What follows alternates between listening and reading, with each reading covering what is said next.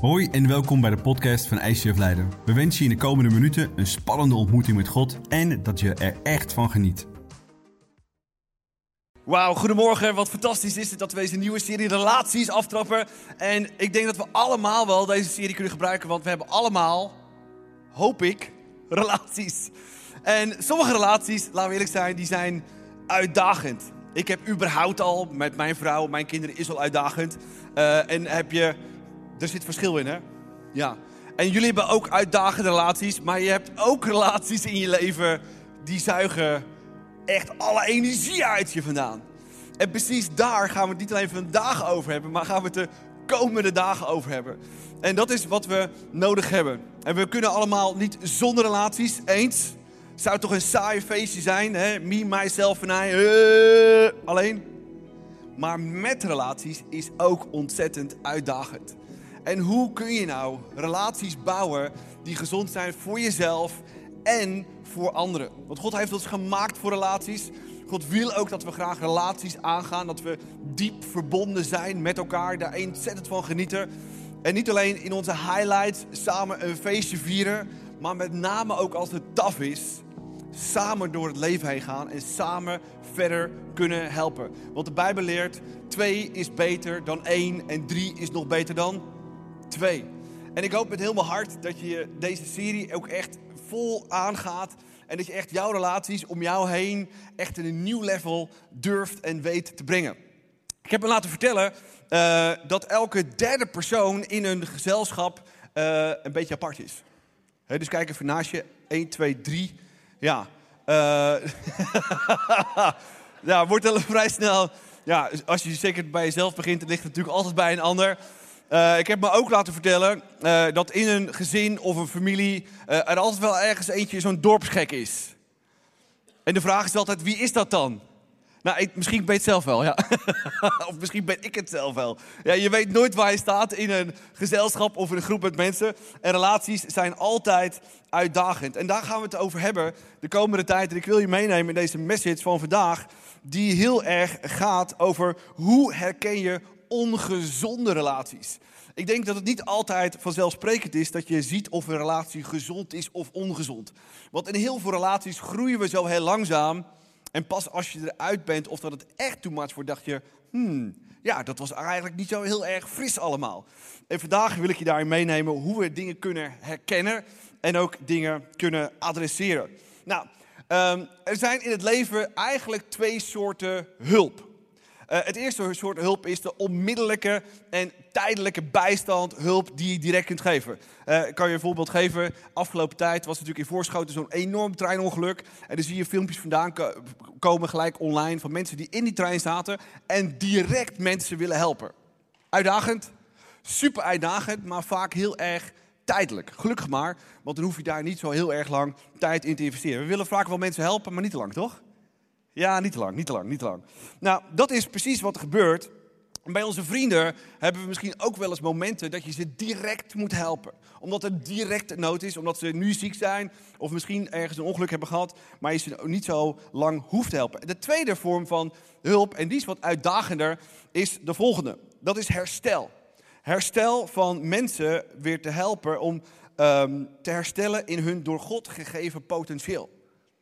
Er komt altijd wel ergens een moment in jou of in mijn leven dat je iets meemaakt dat je niet meer kan doen wat je zou moeten doen als een normaal functionerende persoon. En dan heb je hulp nodig. Is dat, is dat fout? Ja, is hulpvraag makkelijk? Oei, oei, oei, oei, oei, oei, oei, oei, wat vinden we dat verschrikkelijk moeilijk. En ik heb altijd zo ontzettend veel respect voor mensen die dat durven te doen. Die eerlijk durven te zijn over de situatie. Eerlijk durven te zeggen, hey, ik ben daar en daar goed in, maar daar en daar heb ik hulp nodig. En zeker als je echt iets heftigs meegemaakt hebt.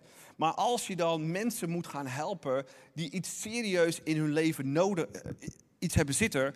En je moet daar serieus tijd in steken. Moeilijk? Is best wel tough.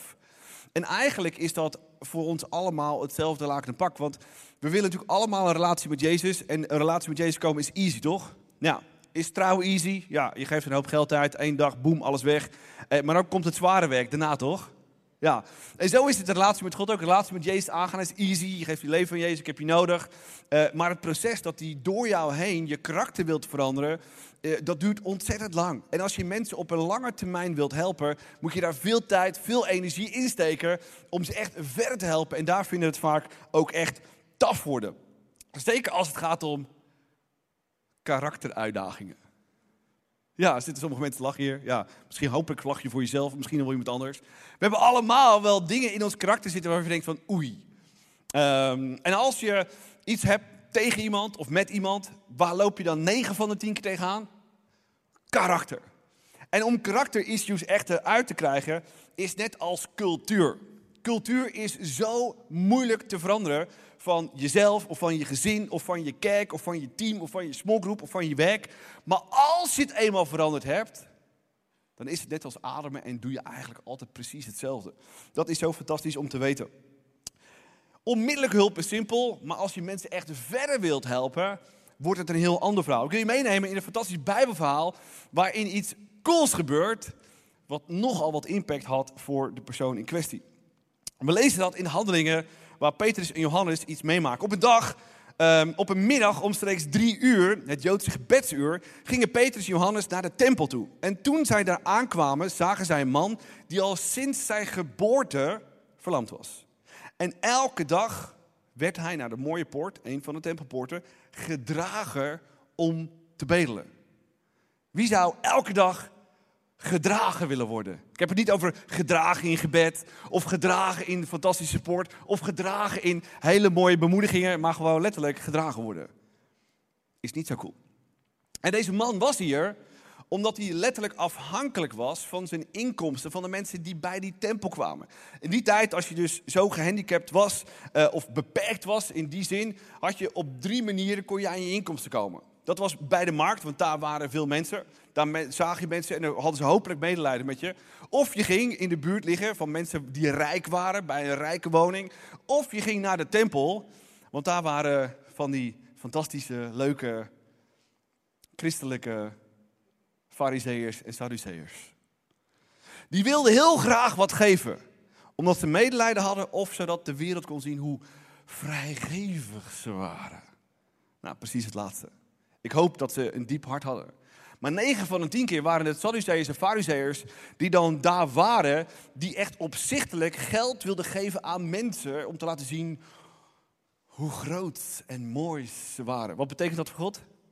Precies, helemaal niks. En daarom leren we ook in de Bijbel dat je rechterhand van je linkerhand niet zou moeten weten wat je aan iemand zou moeten geven. Komt precies letterlijk van deze situatie af. En dat is wat we moeten snappen en begrijpen. Hij was dus een professionele bedelaar. We lezen verder. Toen Petrus en Johannes de tempel wilden binnengaan, vroeg hij hen om geld. Dat is wat hij wilde. Had hij een grotere nood? Ja, zijn grotere nood was natuurlijk gewoon genezen te zijn, toch? Niet waar? Maar als je daar al niet meer in gelooft, als je dat al niet meer ziet zitten, dan ga je naar de korte hulp en dan zeg je, ja, ik heb nu geld nodig, want ik moet gewoon wel elke dag kunnen eten en kunnen blijven bestaan. En precies dat deed hij. De bedelaar wist, ik moet geld hebben, anders overleef ik het überhaupt niet. Hij was afhankelijk van anderen. Het verhaal gaat verder. Ze keken hem aandachtig aan, Petrus en Johannes, en ze zeiden tegen hem, kijk maar, confronterend? Toch wel. Ja, bij ons niet, want we kennen elkaar heel erg lang. Maar als we elkaar niet zouden kennen, dan zouden we zeggen, oei, wat wil die van me? De man keek hen aan in de verwachting iets van te krijgen. Wat had hij verwacht om te krijgen? Geld, ja. Geld was zijn eerste levensbehoefte. Hij had nu geld nodig, had nu eten nodig en elke dag had hij geld en eten nodig. Dat is wat hij nodig had. En eigenlijk is dat ook wat genade is. Dat je genadig bent met een persoon. Dat je kijkt, hey, wat heeft die persoon nodig? En dan kijk je mensen letterlijk aan. Vinden we niet zo heel cool, toch? Afhankelijk van wie je houdt. Of de mensen die je wat minder interessant vindt of een beetje schurend vindt. Kijk je langs je heen, precies. Als we mensen willen helpen, dan moeten we één ding doen. Ze aankijken.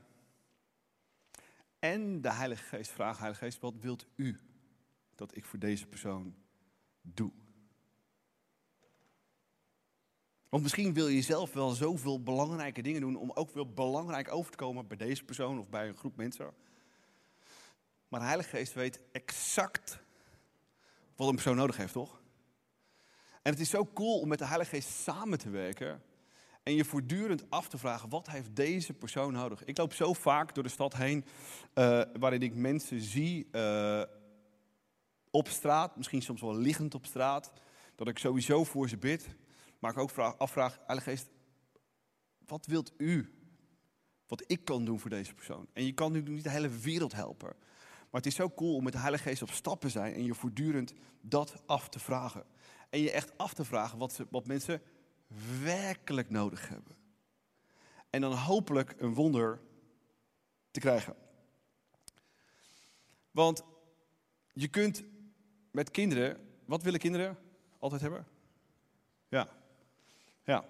Ja, als, je, als, als ik mijn kinderen vraag wat wil je eten, is altijd elke dag hetzelfde, toch? Ja. Patat en frikandellen of kipnuggets. Alleen maar, precies. Um, en met mensen is het eigenlijk precies hetzelfde. Als je mensen vraagt wat heb je nodig, dat misschien meer geld en meer geld. En er is ergens een quote, wanneer is het bij mensen genoeg? Als het een klein beetje meer is. Maar de vraag is, wat hebben mensen echt nodig? Wat hebben jouw kinderen echt nodig? Wat hebben jouw relaties echt nodig? Om de Heilige Geest te vragen wat ze nodig hebben. Nou, het gaat verder. Geld heb ik niet, zei Petrus. Maar wat ik heb, geef ik u. In de naam van Jezus Christus uit Nazareth, sta op en loop. Easy om te zeggen. Wat heb je hiervoor nodig? Zo, echt wel. Maar geloof is zo simpel. Hebben we het vorige week over gehad. Geloof is zo simpel dat God het kan, dat we het kunnen en moeten doen, of nou wel of niet gebeurt. Maar Petrus had die ervaring, hij had Jezus het zien doen en hij wilde het zelf ook doen en hij wist dat hij dat in zijn naam kon doen. En de bedelaar bedelde maar om één reden. Omdat hij beperkt was. Maar wat hij echt nodig had was genezing. Maar had hij ook nee kunnen zeggen? Tuurlijk. Hij had ook kunnen zeggen, ja guys, uh, ik moest luisteren, ik vind dat bedelen wel fijn eigenlijk. Gewoon lekker liggen, ik zie de hele dag mensen, ik hou mijn handje op en het eind van de dag, helemaal prima. Hij had makkelijk nee kunnen zeggen. Had makkelijk kunnen zeggen, hey, ik vind dit leven fijn, ik ben eraan gewend. Uh, het zit nou eenmaal in mijn systeem, ik heb het geaccepteerd. Ik vind het helemaal prima. Tuurlijk, het kan altijd beter. Maar eigenlijk vind ik het wel heel erg nice zoals ik nu aan het leven ben. Ik hoef me voor de rest ook geen zorgen te maken. Dit is wat het is. Had nee kunnen zeggen, toch? Precies. Maar Petrus gaf de bedelaar niet wat hij wilde hebben, maar wel wat hij nodig had. Echte genezing. We lezen het in het volgende vers. Hij pakte hem bij zijn rechterhand, trok hem overeind en op hetzelfde moment werden zijn enkels en uh, voeten en enkels van de man stevig en sterk. Hij sprong op.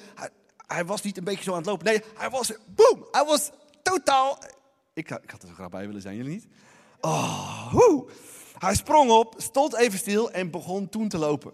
En daarna ging hij lopend met hen de tempel binnen en danste van blijdschap. Wat een ongelooflijk verhaal is dit. Uh, en hij loofde God. Is het niet fantastisch wat God kan doen? Dat, mensen, dat God mensen kan genezen als je geloof hebt? Jullie breken de tent nog steeds niet af. Ik vraag me af of we het geloof van hebben als kijk. Zullen we God daar een applaus voor geven? Dat hij dat kan doen, wil doen. Als mensen het durven te geloven. Dan kunnen we dat doen. En dan kunnen we dat zeggen. En dan kunnen we dat geloven. En kunnen we het ook gaan meemaken. Er bestaat een God die kan genezen. Er bestaat een God die wonderen kan doen. Er bestaat een God die mensenlevens echt kan veranderen. Maar wat betekende dat nou voor deze persoon? Ja, dat hij zijn verantwoording moest gaan nemen, toch? Want zijn leven als bedelaar was voorbij. Hij moest gaan werken. Hij moest een huis gaan zoeken. Hij moest gaan schoonmaken. Hij moest centen gaan verdienen. Zijn leven in één seconde totaal op zijn kop. En als hij het wonder leest, denk je, halleluja, praise the Lord. Maar voor hem werd alles anders. Zelfs eten koken moest hij gaan doen wat hij misschien normaliter gewoon maar kreeg. En dat is precies wat genade inhoudt. Je mag komen zoals je bent, maar je hoeft niet te blijven zoals je bent. En dat is precies wat er bij God gebeurt. Hij wil graag dat je daar naartoe gaat. Hij wil je graag genade geven. Hij wil je graag overstorten met zijn liefde, uh, troost, vriendschap. Maar hij wil niet dat je hetzelfde blijft. Hij wil dat je verandert. Hij wil dat je meer op hem gaat lijken. En dat als mensen om je heen dat hebben gezien, dat je je leven aan Jezus gegeven hebt, dat ze inderdaad zien, hé, hey, wat is er nou werkelijk met jou gebeurd? Karakterwijs. Dat je weet van ja, er zitten wel dingen in mijn karakter waar ik zelf ook tegenaan loop. Er zitten dingen in mijn karakter waar ik zelf ook niet zo trots op ben. Maar met Jezus hulp kan ik mijn karakter veranderen. Ga ik meer op hem lijken. Waardoor je een positieve invloed hebt. Niet alleen op je eigen leven, maar ook op dat van anderen. Zodat ze werkelijk kunnen zeggen, hey, wat is er in jouw leven gebeurd? Wat is er bij jou veranderd? En precies dat is wat discipelschap is. Het is easy om een ticket te hebben voor de eeuwigheid in de hemel. Maar de rest van je leven meer op Jezus te gaan lijken. Woe! Daar heb je geduld voor nodig en daar heb je ook andere mensen voor nodig. Andere mensen voor nodig. Ja, ik kreeg net ook een paar tips uh, backstage al vanochtend voor de message. Ik denk, oh halleluja, praise the Lord. Eindelijk mensen die me wat feedback durven te geven. Maar het is niet easy en leuk, maar wel behulpzaam, want je wordt er beter van. En precies dat is wat we moeten snappen en begrijpen. Als we Jezus volgen, dat we meer op Hem gelijken. Dat we meer worden zoals zijn karakter. Zodat de mensen om ons heen ook echt kunnen zeggen: hey, er verandert iets in je leven. Ik vind je leuker worden. Ik vind je fijner worden. Ik vind je echt, ik wil gewoon bij je zijn. Mensen die alleen zijn? Vraag je af waarom ben je misschien alleen? Oké. En soms willen we te veel, te veel veranderen. Wie heeft er wel eens van die lijstjes gemaakt, na oud en nieuw of voor oud en nieuw, wat je allemaal wilde veranderen in je leven? Ja. Waarom gaat het altijd fout? Omdat we ze de lat te hoog leggen en te veel punten hebben. He, 20 punten en de lat ligt zo hoog eh, dat je van tevoren misschien wel heel enthousiast bent over al die punten. Dan denk je, woe, amazing, amazing, amazing, amazing. En je vrienden vragen je af, in welke 100 jaar ga je dat voor elkaar krijgen? Terwijl psychologen zeggen, als je elke keer maar kleine stapjes neemt, dan krijg je het wel voor elkaar. Neem kleine stapjes, zodat je echt kunt veranderen in die hele kleine uh, dingetjes. Want soms zijn het ook die kleine dingetjes die je verder kunnen helpen in het leven. Verder kunnen helpen als persoon en verder kunnen helpen als voor de vrienden om je heen. Um, ik ben natuurlijk pastor, ik moet ook overal verstand van hebben natuurlijk. Uh, en ik ben natuurlijk vader met kinderen. Uh, dus er zijn heel veel mensen hier die allemaal baby's krijgen. Voor hoeveelste jaar zitten we babygolf? Ja, nummer 6 of zo. Ja, dan komen naar me toe. Hoe, hoe, ga je daarmee om? Hoe ga je daarmee om? Hoe ga je met uh, wakkere baby's om? Uh, nou, we hebben wakkere baby's gehad. Echt no joke. Mijn oudste dochter lief, lag het liefst schuin over me heen elke nacht. Uh, de middelste lag het liefst in het midden. De jongste, die is echt fantastisch. Die bleef gewoon in haar eigen bed liggen. Ja. Oeh, amazing. Ja. Um, maar ik geef ook nog wel eens tips van, weet je, rum in de melk helpt ook heel goed. Ja. ik heb nog een paar andere voorbeelden meegenomen. Uh, deze vind ik eigenlijk het coolst. Ja, gewoon een, draad, een uh, barbed wire eromheen, prikkeldraad. Uh, deze vind ik ook wel vet. gewoon een hand erop. Ik ben bij je. Ik ben bij je, ja. of een nepmama, weet je, helpt ook echt goed. Gewoon een BH uit de kast vandaan trekken. Het komt allemaal goed. Weet je, soms moeten we gewoon hele simpele dingen verwachten om goed met elkaar om te kunnen gaan. Anyway.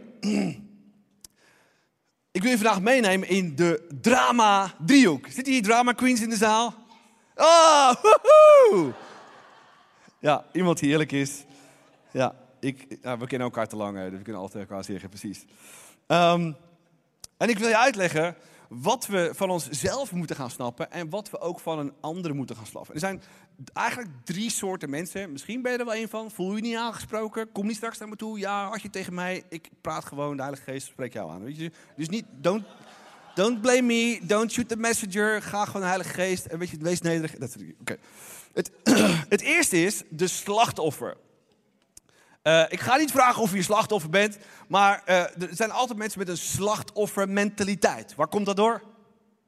Ja, omdat ze ergens iets hebben meegemaakt in hun leven wat ze nogal hard geraakt heeft. Maar als je niet uitkijkt, dan blijf je in de slachtofferrol voor de les van je leven. En slachtoffers geven andere mensen altijd de schuld. Ja. Dus kijk je nooit in de spiegel. je praat met die mensen. Ja, het was die en het was de, uh, de pastor en het was mijn smokkelbleider. En die met team is ook dramatisch. En er, is altijd wat, maar nooit hun. Dat zijn echte slachtoffers. Ze hebben werkelijk waar iets meegemaakt. Wat misschien super tof en super vervelend en misschien extreem is. Maar je blijft erin hangen en je durft niet in de spiegel te kijken over wat er in jouw leven gebeurt en hoe je dat anders zou kunnen aanpakken. Ze klagen de hele tijd. Oké. Ehm, we hebben een volgende. Dat zijn de. Oeh, die zijn ook echt. Oei, oei, oei, oei, oei. De aanklagers. Ja, dat zijn mensen die, die heel erg van feedback houden. Maar dan nog iets extremer. Ken je die mensen? Ja, misschien ben je het zelf wel. Uh, aanklagers, die, die komen altijd met feedback. Ken je dat? Ja.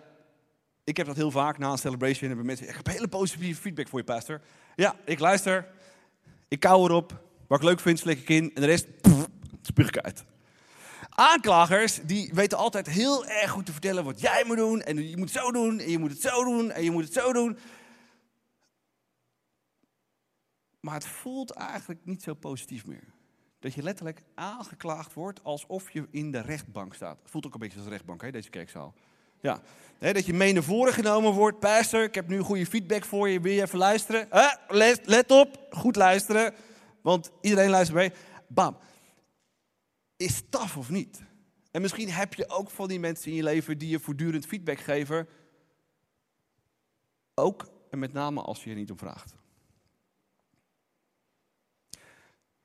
Feedback is cool. Maar je moet altijd vragen of mensen er open voor staan. Want als je mensen er niet open voor staan, ben je dan eigenlijk over hun grenzen aan het heen raggen?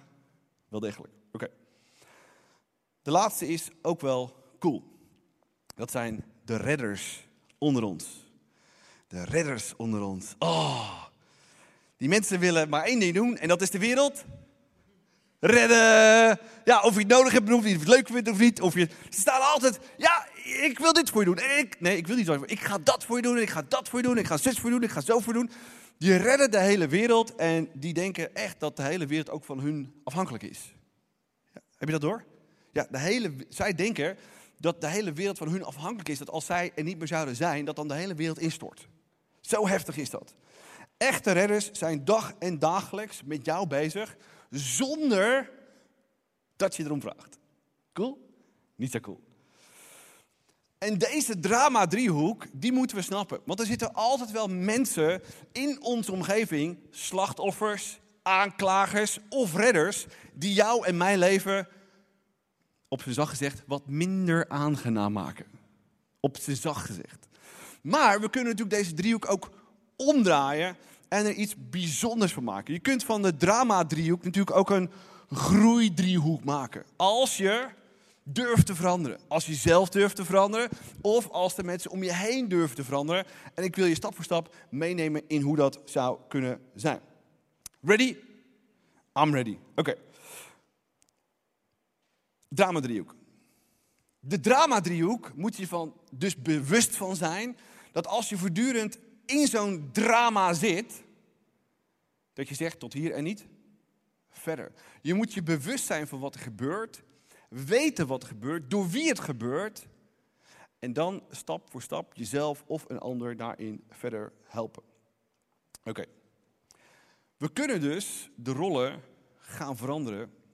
Dat betekent dat een slachtoffer, die kan een creëerder worden als een slachtoffer bewust is van zijn slachtofferrol en voortdurend maar negatieve aandacht opeist, zou zo'n persoon kunnen veranderen in: ik heb iets toe te voegen, in plaats van te klagen?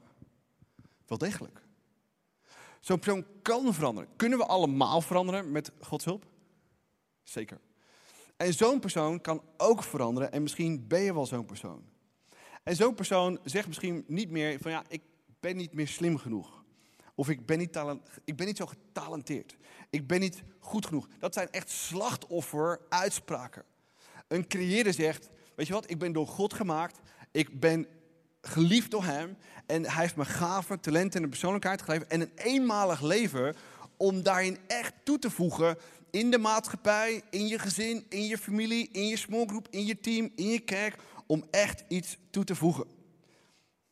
En je dus uit die slachtofferzone groeit en echt toe gaat voegen als een creëerder.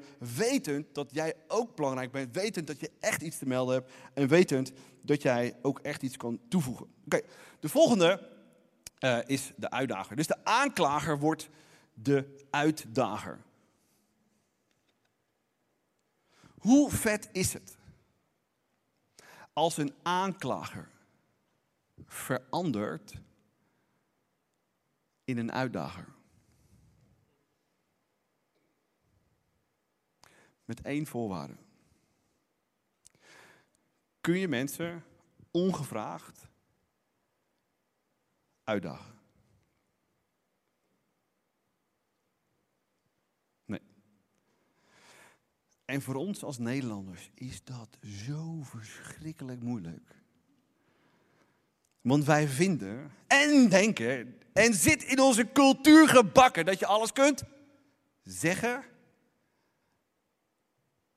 En bij God zegt hij, so goes it not. Waarom? Omdat theologisch gezien elke persoon een eigen wil heeft. En die eigen wil moet ergens zeggen, ik wil feedback, ik wil gecoacht worden en ik wil uitgedaagd worden. En als we over die theologische lijn heen gaan, dan begeven we ons op andermans terrein, ben je een grens overgegaan. Uh, kan dat tot irritaties leiden? Het wel degelijk. En dus het kan ontzettend positief zijn om een uitdager te worden van een aanklager. Maar als je hetzelfde principe toepast als een aanklager, je gaat grenzen over zonder te vragen, dan doen we mensen tekort en doen we ook God tekort. Want God wil altijd dat we respect hebben voor een persoon. Maar daag mensen uit als ze openstaan. Daag mensen uit om te groeien. Fysiek, daag mensen uit om te groeien mentaal. Daag mensen als ze jou daarvoor de toestemming geven. Oké, de laatste. Ready? De coach. Dit is een supercoole. Redders zijn fantastisch, met name als je ze nodig hebt, maar wel met toestemming. En ik geloof met heel mijn hart dat we allemaal coaches nodig hebben. De belangrijkste coach is onze Heilige Geest, toch? die we elke dag nodig hebben. Gods woord hebben als coach, hij ons laat zien hoe we kunnen veranderen, hoe we meer op Jezus kunnen gaan lijken. En coaches hebben we nodig in het leven. Waar zouden we zijn zonder coach? En als ik dan op tv kijk en ik kijk naar voetbalteams of ik kijk naar sportteams, hoe belangrijk coaches zijn, daar hangt letterlijk hun hele carrière vanaf. En ik durf te zeggen dat ons als persoon en hoe we ons gedragen in deze wereld, dat we zo veel beter af zouden zijn als we allemaal coaches zouden hebben op diverse gebieden. En ik vind dit een lastig punt. Want ik ben zo ongelooflijk goed. Dat ik mensen exact weet te vertellen wat ze nodig hebben. Ik heb zoveel nugget. Maar ook hier weer geldt dat als een persoon geen toestemming geeft, ik een grens overga. Je kunt mensen alleen coachen als ze jouw toestemming hebben gegeven. En ik geloof dat dit punt in onze, in onze relaties een van de aller, aller, allergrootste punten is.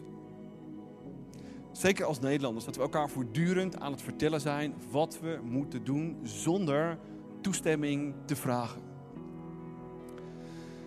In november had ik hier in deze kerk een meeting met pastors uit de omgeving vandaan. We zaten hier, lange mooie tafel, opgemaakt. En ik geef ze altijd het beste van het beste. Woo! Amazing. Maar er zit altijd één pastor tussen waarvan ik wist, die komt binnen en die gaat weer Arie en dit, Arie en zus, Arie en zo. En guess what? Wat gebeurde er? We stonden nog niet buiten en waarom heb je niet dit? En waarom heb je niet dat? En waarom niet zus? En toen waren we binnen. Het verhaal ging maar door en ging maar door. En ik dacht bij mezelf, so goes it not. Omdat ik zelf ook pas gecoacht wil worden als ik zeg, ik wil gecoacht worden. En we moeten die lijn niet overgaan. We moeten durven toestemming te vragen. En ik durf te zeggen, met name in de christelijke wereld, dat dit zo'n ongelooflijk groot punt is. Dat we moeten veranderen. Dat we nederigheid nodig hebben. Laten we zeggen dat je het beter weet. Laten we zeggen dat je duizend nuggets hebt. Maar sta je zelf ook echt open voor Gods Heilige Geest om gecoacht te worden? En vaak is het antwoord dan nee. We weten het zo goed voor een ander, maar om God dichterbij te laten komen in jouw en mijn leven vinden we echt taf, vinden we echt moeilijk. Maar waarom niet als eerste en boven alles Gods Heilige Geest in je leven elke dag te laten spreken? Als eerste en boven alles één of twee, drie goede vrienden in je leven te hebben die tegen je te laten spreken. En dan in alle nederigheid naar mensen toe gaan. Zeg, weet je wat? Ik zou je willen helpen. Als je het wilt. Wat zou er veranderen in de relaties om jou heen?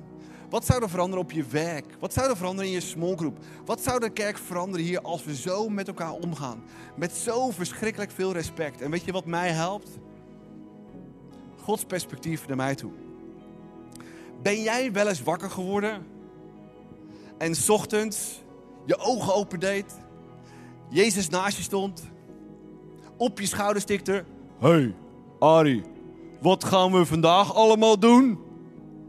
Dat is meegemaakt. Dat is meegemaakt. Ik heb het nog nooit meegemaakt. Weet je waarom niet? Omdat God, Jezus, de Heilige Geest, een echte gentleman is. En een echte gentleman vraagt maar één ding. Wat kan ik voor jou betekenen? Daarom ga ik nooit naar mensen toe om ze te redden. Daarom klaag ik mensen niet aan. Ik wil er voor ze zijn als ze me nodig hebben. Vinden mensen ook niet zo cool. Ja, maar dan moet ik helemaal naar je toe komen om te vragen uh, ik hulp nodig heb. Ja, dat is jouw probleem. Ik heb ook hulp nodig en ik vraag ook mensen. En precies dat is zo ontzettend gezond. En ook binnen de kerk moeten we niet toelaten dat mensen ongevraagd zomaar dingen tegen ons zeggen. Maar we moeten ook niet gaan zitten piepen als mensen niet naar me toe komen. Je bent zelf in charge. Je hebt een eigen wil die sterk is, die groot is. En durf over je ego heen te stappen, naar mensen toe te gaan waarvan jij denkt, die kan me daarvoor helpen, die kan me daarvoor helpen en die kan me daarvoor helpen. En je zult zien dat je verder groeit. De spanningen binnen relaties nemen af omdat we zoveel respect hebben voor elkaar, voor het leven en wat God al daarin aan het doen is. En dat je één pion bent die een persoon verder kan helpen, mag helpen als je de toestemming krijgt. Dus ik zal ook nooit zo snel naar mensen toe lopen. Zeker niet als het grote issues zijn. Omdat ik weet, ik ben maar een persoon in die mensen, hun leven. En ik wil ze graag helpen als ze diep van binnen geholpen willen worden. Mensen kunnen alleen maar geholpen worden als ze het zelf willen. En laten we het willen in ons toelaten. Laten we onze grenzen niet zomaar overlopen door mensen. Maar dat we echt genieten van onze vrijheid die we voor God hebben gehad. Elke dag Hem om hulp en raad en advies vragen. Gaat hij het dan geven? Wel degelijk. Mensen om hulp en raad en advies geven. Gaan ze het dan geven? Zeker.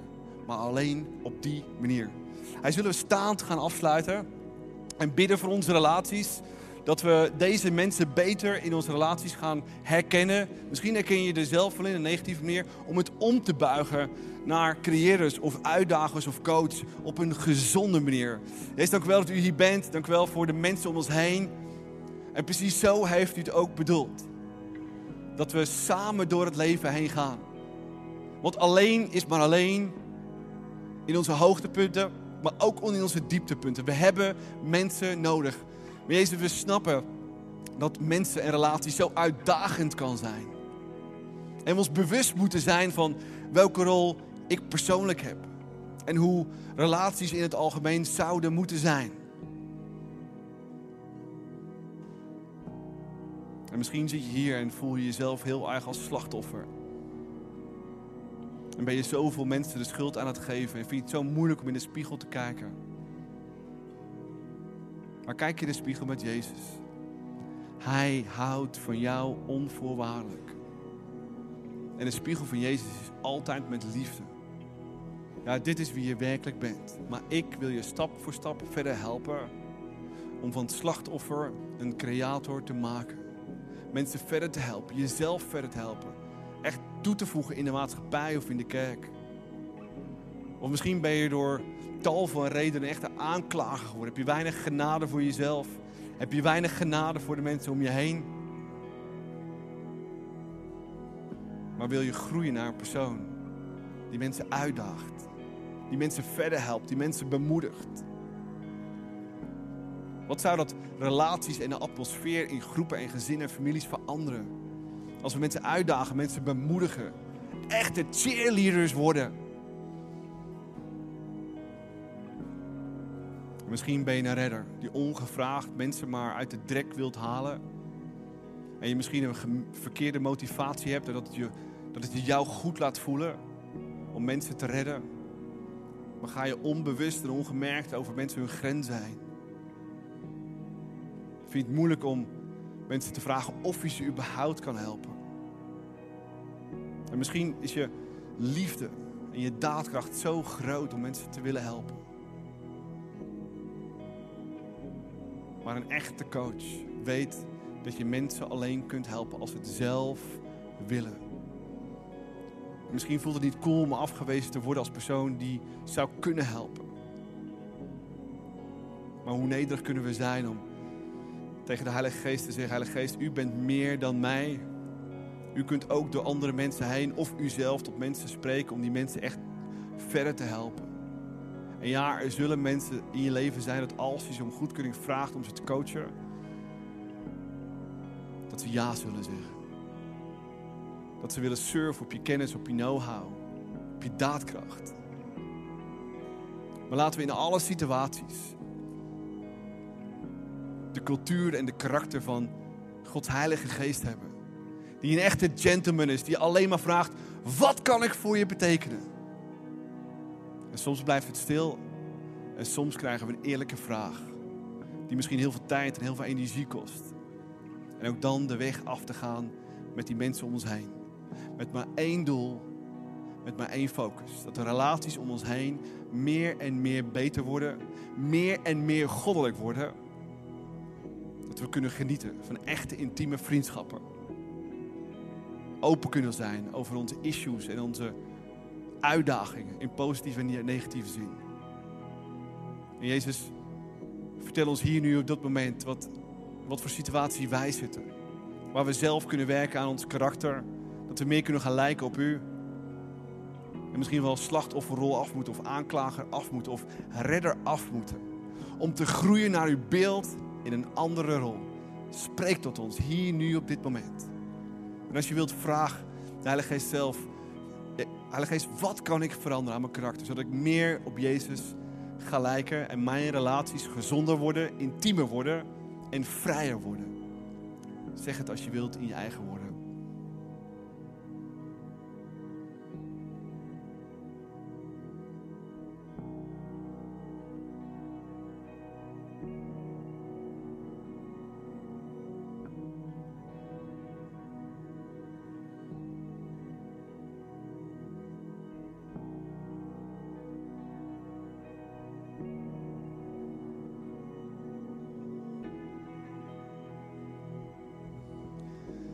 Dank u wel dat u ons gehoord heeft. Dank u wel voor de mensen die u om mij heen gegeven hebt.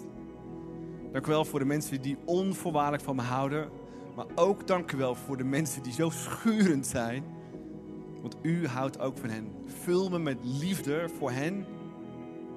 En dat de relatie tussen mij en hen alleen maar beter wordt. In Jezus' naam. Amen. Wij hopen dat deze podcast je heeft geïnspireerd en verder geholpen heeft in je relatie met God. Wanneer deze podcast je geraakt heeft en je de inhoud ervan wilt helpen verspreiden, deel dan deze aflevering op jouw favoriete social media platform. Op deze manier horen meer mensen over Jezus en deze boodschap van hoop. Je kunt ons ook financieel ondersteunen, waardoor we een maximaal bereik krijgen op het internet en nog meer mensen nieuwe hoop krijgen. Bedankt voor alles wat jij mogelijk maakt. We geloven dat kerk een familie is. Dus of je nu live erbij bent of online meeluistert, we willen jou graag persoonlijk leren kennen. Als we jou persoonlijk verder kunnen helpen, dan horen we dat graag. Check voor info en meer mogelijkheden op onze website. Fijne dag.